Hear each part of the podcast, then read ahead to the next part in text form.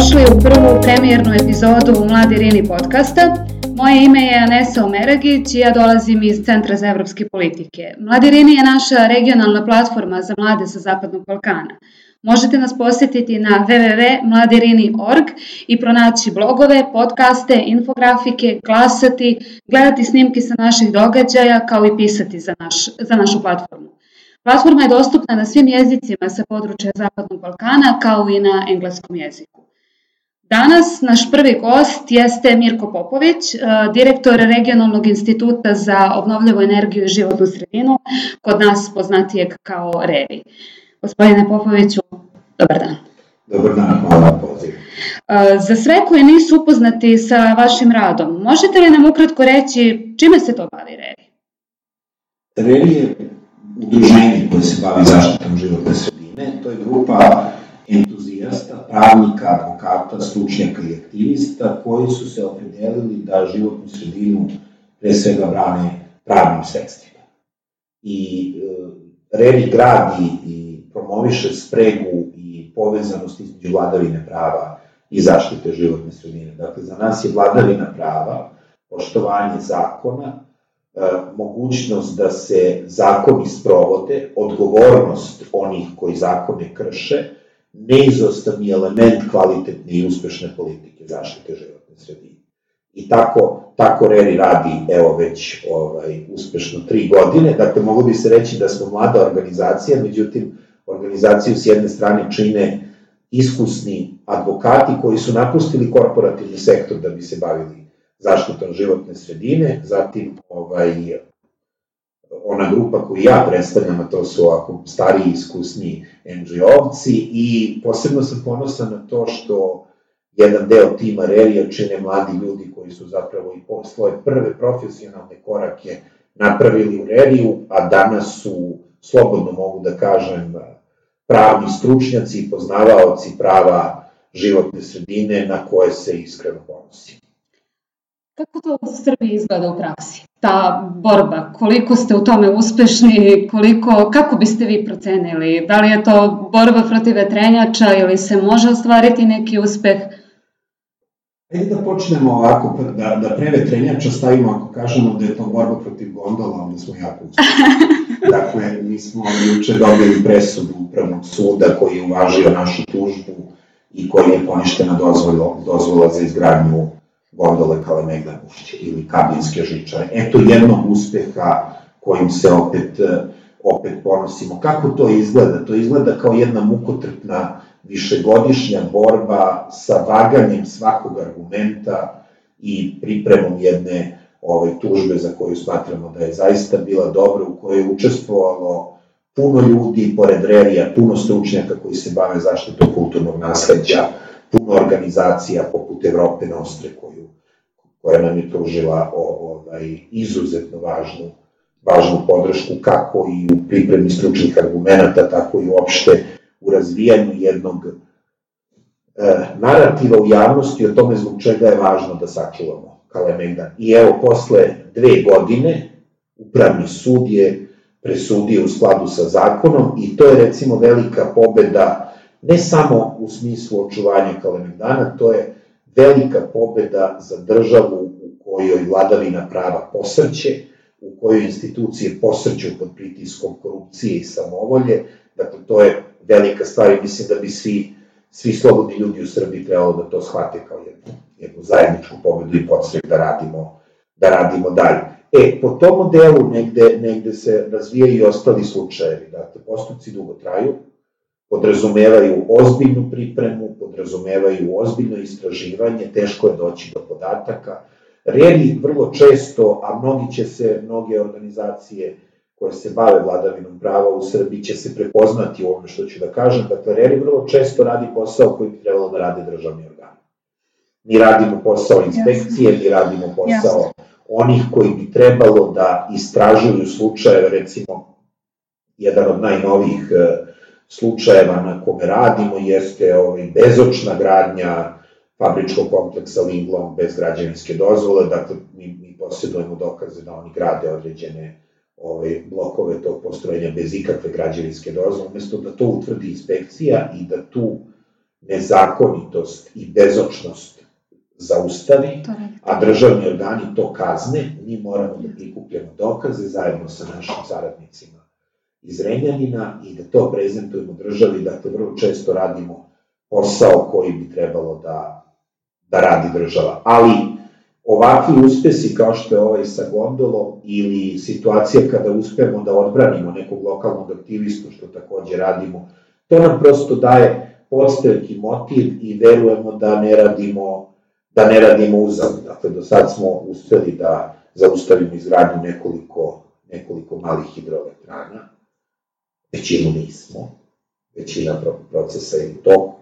Uspeli smo da odbranimo nekoliko lokalnih aktivista od optužbi, ovaj, pre svega pred prekršajnim sudom. To je velika stvar. Znači, ja mislim da se na taj način okreće ovaj, točak u drugu stranu. Dakle, mi pokazujemo, i uvek kad kažem mi, kad kažem RERI, dakle, ne mislim samo na RERI. Postoje e, brojne organizacije koje se bave na različite načine, da li aktivistički, da li ovaj. RERI je e, poseban u smislu što se bavimo zaštitom životne sredine na jedan specifičan način, Tako. povezujući to sa, pre svega sa pravnim instrumentima. Ali prosto, mi na taj način pokazujemo da je u Srbiji moguće graditi normalnu državu. Dakle, da je moguće suprotstaviti se tom opšte prihvaćenom narativu, ma ne možemo ništa, ma sve je isto, ma šta ćete vi da uradite, evo, evo šta uradit ćemo. E, javni diskurs je uglavnom takav, ljudi se osjećaju bespomoćno i misle, ma nema koristi ni od kakve borbe, nema koristi ni od čega. Naš moto je tvoja životna sredina, tvoja prava. Dakle, naša Ustavom. poruka jeste pravo i slobodu vam niko neće dati. Morate da je posebno u državama koje su duboko utonule u diktaturu, u korupciju, dakle, mi živimo u zarobljenoj državi, mi živimo u državi u kojoj su, dakle, nikad ne treba poistovetiti pojedince koji su uzurpirali institucije sa institucijama sami. Dakle, mi živimo u državi koju je zarobila politička elita koja nam je otela prava koja nam je otela zakone i pretvorila ih u instrumente sprovođenja njihove samovolje i realizacije njihovih privatnih interesa. Dakle, oni nam pravo i slobodu neće dati. I to moramo, moramo se izboriti za to. Ja bih sad ovde uh, dodala još nešto, a to je da ste vi baš specifična organizacija, sami ste to i rekli, koja se bavi zaštitom životne sredine baš na ovaj način I uh, ono što vi stalno ponavljate jeste da je, uh, da je Srbiji problem broj jedan ta vladavina prava. Zato znamo sa koliko strana i stižu, stižu kritike. Ali vi nećete reći zagađenje životne sredine već vladavina prava kao problem, a onda sve ovo ostalo. Možete nam nešto više reći o tome? Mi vrlo često kažemo da, da je najveći zagađivač korupcija. Zapravo, korupcija koja se manifestuje kroz nekažnjivost odgovornih, Dakle, vi imate recimo situaciju da čovek koji je, ovaj, ima politički background, izgradi malu hidroelektranu bez dozvole, dakle, potpuno bez ikakve.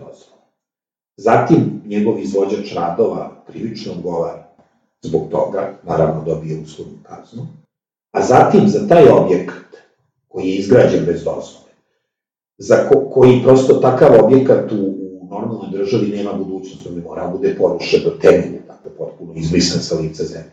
On zatim za taj objekat dobije dozvolu. Dobije građevinsku dozvolu da gradi nešto što je izgrađeno, a zatim podnese zahtev za saglasnost na studiju procene uticaja za tečevnog stanja. I dobije saglasnost. I registruje se, upiše se kao privremeni povlašćeni proizvođač obnovljivih izvora. E, šta građani treba da znaju, šta ljudi koji nas slušaju treba da znaju, jeste da će oni iz svog džepa, tom čoveku, da plaćaju kilovate struje koji proizvede iz objekta koji je trebalo da bude porušen, a on je trebalo da bude u zatvoru zbog toga što je uradio.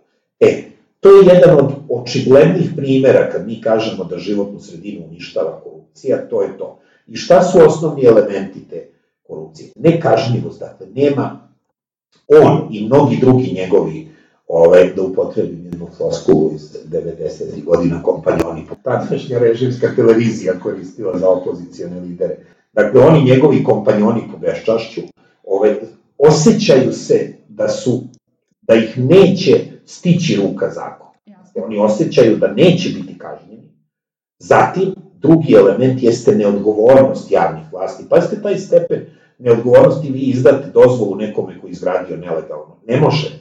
Ne može ni po zakonu o, o zakonjenju. Zamislite vi taj stepen neodgovornosti i znate da neko tamo gradi najveću invest, takozvanu najveću investiciju u Srbiji. Pa zamislite koje je to na kraju krajeva bruka i sramota i za tog investitora i za državu. Da on zida bez građevinske dozvole. Evo ja pozivam, e, pozivam inspekciju, neka ode danas, neka vidi, neka pogleda ovo što ja govorim, da li se, da li se ti objekti grade bez dozvole. Dakle, neodgovornost nosilaca javnih funkcija i na kraju iz toga proizilazi zloupotreba prava, odnosno čak i stvaranje nekakvih parapravnih i metapravnih instrumenta i procedura da bi se zadovoljila potreba nekog privatnog interesa. Uzmite primer Makiškog polja. Hej, da li su ljudi u Beogradu svesni koje posledice možemo da trpimo zbog toga što se tamo, što se tamo dešava? Dakle, neko je pre svega promenio kompletno planski, i to se radi godinama, a onda zloupotrebio proceduru i izmislio novu proceduru javnog uvida kako bi građane omogućio da javno iznesu svoju kritiku na takav projekat. Zbog svega toga poverenje svih, ali evo mi se ovde bavimo mladima i obraćamo se pre svega njima pa ćemo se fokusirati na njih. Njihovo poverenje u institucije se iz godine u godinu sve više smanjuje. Imamo istraživanje krovne organizacije mladih KOMSA koji, koji to pokazuje, sve manje i manje. Ljudi vide šta se dešava, mladi ljudi vide šta se dešava. Kako vi vidite položaj mladih u borbi za njihovo ustavno pravo za, za zdravu životnu sredinu i da li mislite da mladi ljudi na neki način mogu da doprinesu toj borbi, da li da se udruže sa nekim institucijama, kako da izvrše pritisak na njih, šta da radi, kako da pokrenu uopšte ovaj proces ako mladi ne veruju, pre smo pomenuli, ni da su promene moguće, a sa druge strane nemaju ni poverenja u institucije jer svakako vide šta se radi. Pa ja bih krenuo od onog najličnijeg e, iskustva koje ima Reri. Mi smo u, u prethodne dve godine zaposlili nekoliko mladih ljudi, koji su svi bili ili na samom početku profesionalne karijere ili su bukvalno završili fakultet i došli da rade kod nas. Na konkurs Rerija se prijavljuje više od 150 ljudi.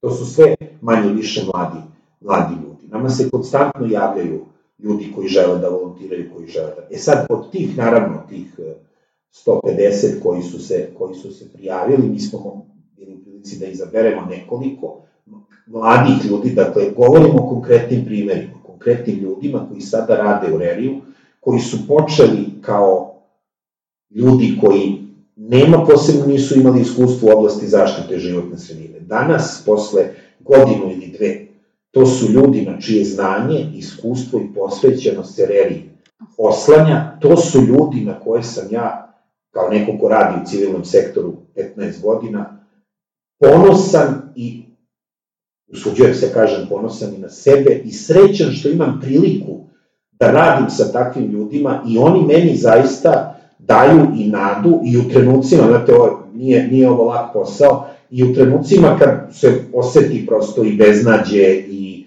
kad čovek poklekne pred, pred silnim pritiscima, meni ti ljudi ulivaju, ulivaju nadu kad pogledam njih šta oni rade, koliko se trude i koliko su naučili za ovo vreme. Dakle, to su zaista ljudi od kojih zaista rad Relija zavisi. To su ljudi koji su postali te, ti neki nezamenljivi zupčanici u mašini koju, koju Reni pokreće. Dakle, ako pođemo od tog ličnog primjera, ja sam siguran da takvih organizacija ima još, dakle, e, zbog toga gledam da izbegnem generalizacije, ali sa druge strane, mladi ljudi gledaju ono što im se, ono što im se prezentuje kroz medije, kroz ovaj, kroz različite kanale o, ovaj, komunikacije i sa druge strane mogu da razume one koji kažu, ma, nema šta, ma zašto se ja borim, ma, ma šta ovo, ma šta... Znate, ovaj, topli do i toplodolsku reku je odbranilo, pazite, 30 staraca plus jedan kapetan u penziji, plus jedan mlad dečko. Miljan. Dakle, koji je bio srce i duša tog pokreta. I pokrenuo. Da, ali na barikadama je stajalo 30 staraca. Zato što u toplom dolu nema više mladih ljudi. A ovo je momak koji, on nije u toplom, on je, on je, on je tamo rođen, ali ovaj, on nije neko koji je došao sada, on je neko ko svake zime te starce snadeva hranom, vodi ih kod lekara. Taj mladi čovek je stekao njihovo poverenje i da im je rekao, aj sad svi skačite niz ovu padinu dole u reku, ja sam siguran da bi oni svi skočili. Dakle, ima, imamo, imamo, mi imamo, mi imamo ljudski, ljudski kapital, ali prosto treba, mislim da treba i, i ovakvih, ovaj, ovakvih proizvoda medijskih imati što više, da se ljudima ulije nada da možemo nešto da uradimo, da promenimo stvarnost, jer smatram da mlad čovek pre svega treba da bude slobodan i ako će neko da prihvati ovu moju poruku da se sloboda ne dobija, nego se uzima, to su mladi. Sa druge strane, smatram da, pa nikom, ne samo mladi, ne treba da pristanemo na to da nekom damo nešto što je javno dobro. Pazite, ovaj, e, ti isti ti ljudi koji su sada, za koje sad, koji sad stupaju na e, scenu odraslih ljudi, tako stiču pravo glasa i slično, oni su se do juče šetali, igrali po Kalemegdanu, Košutnjaku. Treba, treba razvijati tu vezu i graditi tu identifikaciju, javni prostori, javna dobra, parkovi, to je naše. To je naše. Ako im jednom prepustimo, ako im jednom dozvolimo da nam to uzmu, više, više povratka nema. Dakle, smatram da treba, da prosto ljudi treba tako da razmišljaju, to je naše, mi na to imamo pravo. A bojim se da, da koncept razmišljanja o javnom dobru, kao nečemu što pripada svima i što je od opšteg interesa, kod nas nije razvijen i sve vlasti počeo od 45. na ovamo su se i tekako trudile da nas ubede da to nije naše, nego je to, neko drugi je tu tamo da brine. Očigledno je da mi nemamo koga drugog da brine o našim javnim dobrima i našim javnim potrebama. Moramo, moramo sami. Vaši primeri, ja verujem da mnogo pomažu, da mladi vide da borba nije uzaludna, da jeste teška, ali da svakako nije uzaludna i da ne možemo sve da prepustimo i dignemo ruke od svega, pogotovo što sada imamo probleme koje možemo i da vidimo od vazduha koji dišemo. Znamo svi koji smo u Beogradu, a i u drugim gradovima u Srbiji nije nešto bolja situacija. Ja bih sad samo malo da se vratim možda na početak, a to je opet ta vladavina prava, znamo koliko smo i zbog toga kritikovani. Sa druge strane, vi se dosta bavite i Evropskom unijom u smislu poglavlja, u smislu poglavlja 27 i zahteva koje Evropska unija ima prema Srbiji. Znamo koliko je zaštita životne sredine bitna za Evropsku uniju. Često se pažnje skreće na ova politička pitanja, ali ljudi ni ne znaju da je ono trećina svih pravnih tekovina Evropske unije zapravo zastupljena upravo u poglavlju 27. Međutim, ovo poglavlje često zovu i najskuplje. Znači, zaštita životne sredine mnogo košta. I često možemo da vidimo da nam kažu da prosto mi nemamo para za to ili da ćemo o tome da mislimo sutra i tako dalje. Šta EU ima da kaže na stanju u Srbiji i kako vi vidite ovo pitanje? Šta, šta vi mislite o tome? Da li je taj neki pritisak s polja možda moguće, moguće u Srbiji da utiče na neke promene kada je u pitanju zaštita životne sredine? Mislim da je važno da ne zamenimo ovaj, da tako kaže, mesta savjercima. Nije nama Evropska unija kriva zato što mi uništavamo sobstvenu životnu sredinu. Mm -hmm. ovaj, a sa druge strane, sporazum o stabilizaciji i pridruživanju, koji je osnov, je tako naše procesa pristupanja Evropskoj uniji, su potpisale dve ugovorne strane. Jedna je Evropska unija, druga je Republika Srbija. Ugovor predstavlja pra, definisanje prava i obaveza obe strane. Dakle, ako postavimo pitanje gde je tu uloga, mesto i odgovornost Evropske unije, ja svakako mislim da jeste u tome da zahteva pre svega transparentnost i odgovornost u trošenju novca poreskih obveznika Evropske unije. Odakle nekom ideja da dozvoli da Republika Srbija na jedan krajnje neracionalan i neozbiljan način rasipa stotine miliona evra koje su potrošili, koje su u, u budžet Evropske unije dali građani Evropske unije. To je pitanje u kome prosto treba da se razgovara. Druga stran, druga stran postoji odgovornost Evropske unije, recimo, kao međunarodna organizacija za poštovanje međunarodnih ugovora. Neodgovornost za poštovanje u evropskom poštovanje u Srbiji za one projekte, programe, saradnje gde Srbija i Evropska unija rade zajedno. Dakle, mi smo nedavno ovaj, e, lideri Zapadnog Balkana su potpisali taj sporazum u Sofiji, ovaj, zelenu agendu za Zapadni Balkan. Nisam ja siguran da ovaj, ljudi koji na našu nevolju upravljaju ovom zemljom, da oni znaju šta su potpisali.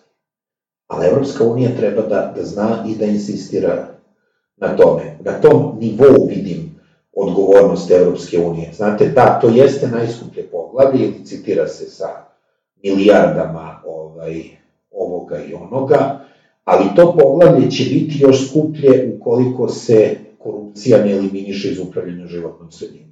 Koliko će da nas koštaju postrojenja za prečišćavanje otpadnih voda, ukoliko e, projekte budemo realizovali na način na koji se recimo realizuju ovaj, sadašnje velike kapitalne investicije. Koštaće nam 3, 4, nas 3, 4, 5 ili ko zna koliko puta više. Ljudi treba da budu toga svesni. To je ta veza o kojoj pričamo. Koliko će da nas koštaju na regionalni sistemi za upravljanje, za upravljanje otpadom. Koliko će da nas, koliko, koliko na kraju krajeva, koliko nas košta ovaj, ta, ta anticivilizacijska i bezumna ideja da se grade nove termoelektrane. Nekoliko stotina miliona. Eto, tu je, tu je novac. Koliko ovaj, moj dragi kolega Maksa iz Vršca svake godine istražuje i objavljuje istraživanje o tome koliko se novca koji se prikupi kroz eh, fondove, za, kroz takse i nakon zaštitu životne sredine, koliko se potroši nenamenski. On to bolje zna, ovaj, a cifre su vrlo, vrlo ovaj, eh, eh, veoma, veoma velike. Pa množite to sa 10 godina, dakle mi, ovaj, mi smo u procesu u procesu evropskih integracija nekih više od 15 godina. Dakle, pomnožite to sa, sa 15, pa onda možemo da pričamo o tome koliko, koliko nas košta. Ovaj, nas mnogo više košta neodgovornost nego što nas košta životna sredina. Na kraju da dodamo na to, dakle, šta ćemo sa godinama izgubljenog života, šta ćemo sa brojem preranih smrti za koje recimo gradonačelnik Beograda na svoju, na svoju sramotu i svoje funkcije i svoje profesije kaže da to nije baš neka precizna metodologija. Ja bih voleo da nam on objasni koja je to metodologija bolja. Kako to Beograd proračunava koliko će ljudi naredne godine da umre zbog neodgovornosti javnih vlasti u Beogradu. Dakle, gde je cena toga? Gde je cena zakišeljavanja zemljišta kao posledica emisije sumpor dioksida iz termoelektrane? Gde su svi ti eksterni troškovi? gde je cena ovaj, e, emitovanog e, ugljen dioksida koju ćemo uskoro plaćati? Gde su prekogranične takse na emisije gasova sa efektom staklene bašte koje ćemo plaćati?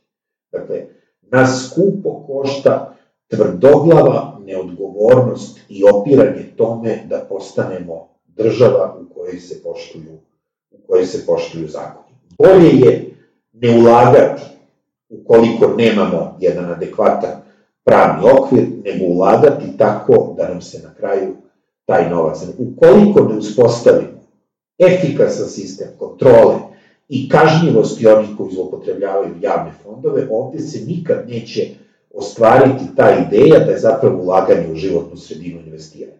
Sa ovakvom korumpiranom vlašću ulaganje u životnu sredinu i ulaganje u bilo šta jeste bacanje para kroz prozor dok napolju duva Recite mi, da li mi zapravo onda sve vreme razmišljamo na neke kratke staze, a ne na duže? Po svemu ovome što vi kažete, sve posledice će nas stići tamo negde u budućnosti. Da li onda je trenutna situacija takva da se misli na trenutnu dobit, trenutnu zaradu, trenutno dobro, a nam, da nam to pravi problem na duže staze. Odnosno, u čemu je ovo problem, budući da je ova životna sredina životna sredina u kojoj živimo svi mi.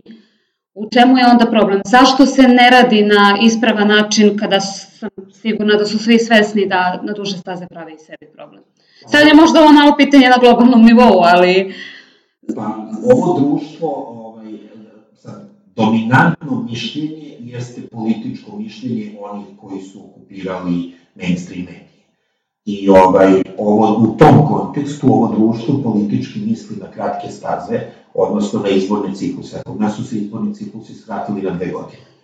Dakle, to je, to je, ovaj, to je to koliko mi daleko možemo da dobacimo, pa vam onda neko obećava bit će bolje za dve godine, pa vam za dve godine kaže bit će bolje za dve godine, računajući da su ljudi zaboravili šta im je rekao pre dve godine. Recimo, ovaj, meni je nezamislivo da čujem da neko ko je, pa nek je predsednik mesne zajednice, a ne predsednik države, da kaže, eto ti kinezi koji prebacuju svoje prljave tehnologije u Srbiju, zato što je tamo zagađen vazduh, ali ja ne znam ništa o tome, mene ništa to, to ne interesuje. I da prođe, ovaj, što kaže, što, o, o, ovaj, da se zemlja pod njim ne otvori, da u nju zauvek propadne, pre svega od stida koji nema, o, o, ovaj, a zatim od takvih izjava koje su prosto sramotne za nekoga ko obnaša javnu funkciju. Bilo ih je takvih ko zna koliko, ja sam svoje vremeno i pisao jedno izjavi ovaj, gde on osuđuje ovaj, proizvodnju električne energije iz vetra, tvrdeći kao oni tamo iz Evrope hoće da nam nešto, a mi imamo naš ukri. Bože, sačuvaj, ovaj, da li se uštine taj čovjek za obraz kad, kad daje takve izjave. O, ovaj, da, da, dakle, e, a pazite sa druge strane, ovaj, mi imamo primjer, znači zašto, E, nisam ja fan Evropske unije, niti, ovaj, niti, niti nekritički se divim postignućima Evropske unije. Jednostavno, njihov sistem zaštite životne sredine je bolji. Mhm. Pokazao se da je bolji, pokazao se da je doneo korist mhm. državama koje, koje su članice Evropske unije. Pazite, u Evropskoj uniji prošle godine više proizvedeno struje iz obnovljivih izvora nego iz uglja. Evropska unija ostvarila svoj 20, e, uspela da dostigne svoj cilj 2020 na nivou Unije. Neke zemlje nisu neke su prebacile. Dakle, to je, tako se politika, dugoročno planiranje podrazumeva jednu suštinsku, za nas važnu promenu načina poimanja javnih politika. To je da strateške odluke jesu obavezujuće odluke. Kod nas se strategije donose da bi se ispunila forma. Pa vi imate, ovaj, evo, na primjer, plan kvaliteta vazduha koji se, ovaj, jedan promašeni, neuspešni dokument koji se ovih dana usvaja u gradu Beogradu, I kada pročitate komentare ko, koje je izrađivač plana dao na primetbe građana, vi vidite da njima jedini cilj, oni kažu mi imamo obavezu da izradimo plan, to nam kaže zakon, šta će njemu da piše dok ćemo da se ostvari? To nas, to nas nije neodgovornost. Dakle, Samo imamo obavezu da prenesemo, prepišemo, uradimo, ček, uradili smo i to je to. Dakle, neodgovornost je ključno obeležje ne samo politike životne sredine, nego uopšte javnih politika. Neodgovornost, da. Bližimo se polako kraju, pa bih vas ja sada pitala a, da li biste imali još nešto da dodate onako za kraj, da zaključimo? Pa pošto je ovaj uopšte, rekli ste da je ovaj vaš program pre svega posvećen, posvećen mladima, ovaj, hteo bih na kraju da, ne sad kao sam ja iskusan, pa, pa ja sad dajem neki, neki savjet, ali eto, voleo bih da podelim sa njima neka svoje iskustva iz početka, da sam ja počinjao da radim, a mnogi od njih, evo, ovaj, završavaju fakultete na Pragu su ovaj, neke pro, profesionalnog angažmanja, angažovanja. Ono što je najvažnije, posebno za mladog čovjeka, prvo, nemojte verujete nikome i drugo, kritički mislite kritički razmišljajte o vestima koje čitate. Pokušajte da saznate, pokušajte da saznate istinu i pokušajte da sobstveno uverenja i stavove gradite na toj saznatoj istini koju ste stekli. Pa bez obzira da li ćete biti naklonjeni jednoj ili drugoj opciji ili jednom ili drugom načinu, da li ste konzervativci ili ste suviše liberalni, a samo pokušajte da razumete istinu i rekao bih još nešto da ono što je važno, što je potpuno nestalo iz ovog društva, a to je solidarnost. Poručio bih mladim ljudima, kada bilo šta što radite, obratite pažnju na onog drugog pored sebe i kako to utiče na njega i obratite pažnju na onog drugog pored vas, a to su javna dobra, koja pripadaju svima nama i koja treba među sobom da deli. E onda verujem da će ljudi shvatiti zašto nam je važno svako drvo iz ovog Neymarskog parka ovde, zašto nam je, zašto nam je važno, važan svaki kvadratni metar trave, zašto nam je važan kalemetan, zašto nam je važno, važno makiško polje, zato što je to naše javno, javno dobro. A njega možemo da odbranimo samo ako zaista budemo solidarni i shvatili da je to, da je to naše zajedničko. I uzeli stvar u svoje ruke i borili se koliko možemo svako od nas. Gospodine Popoviću, hvala vam puno što ste bili naš gost.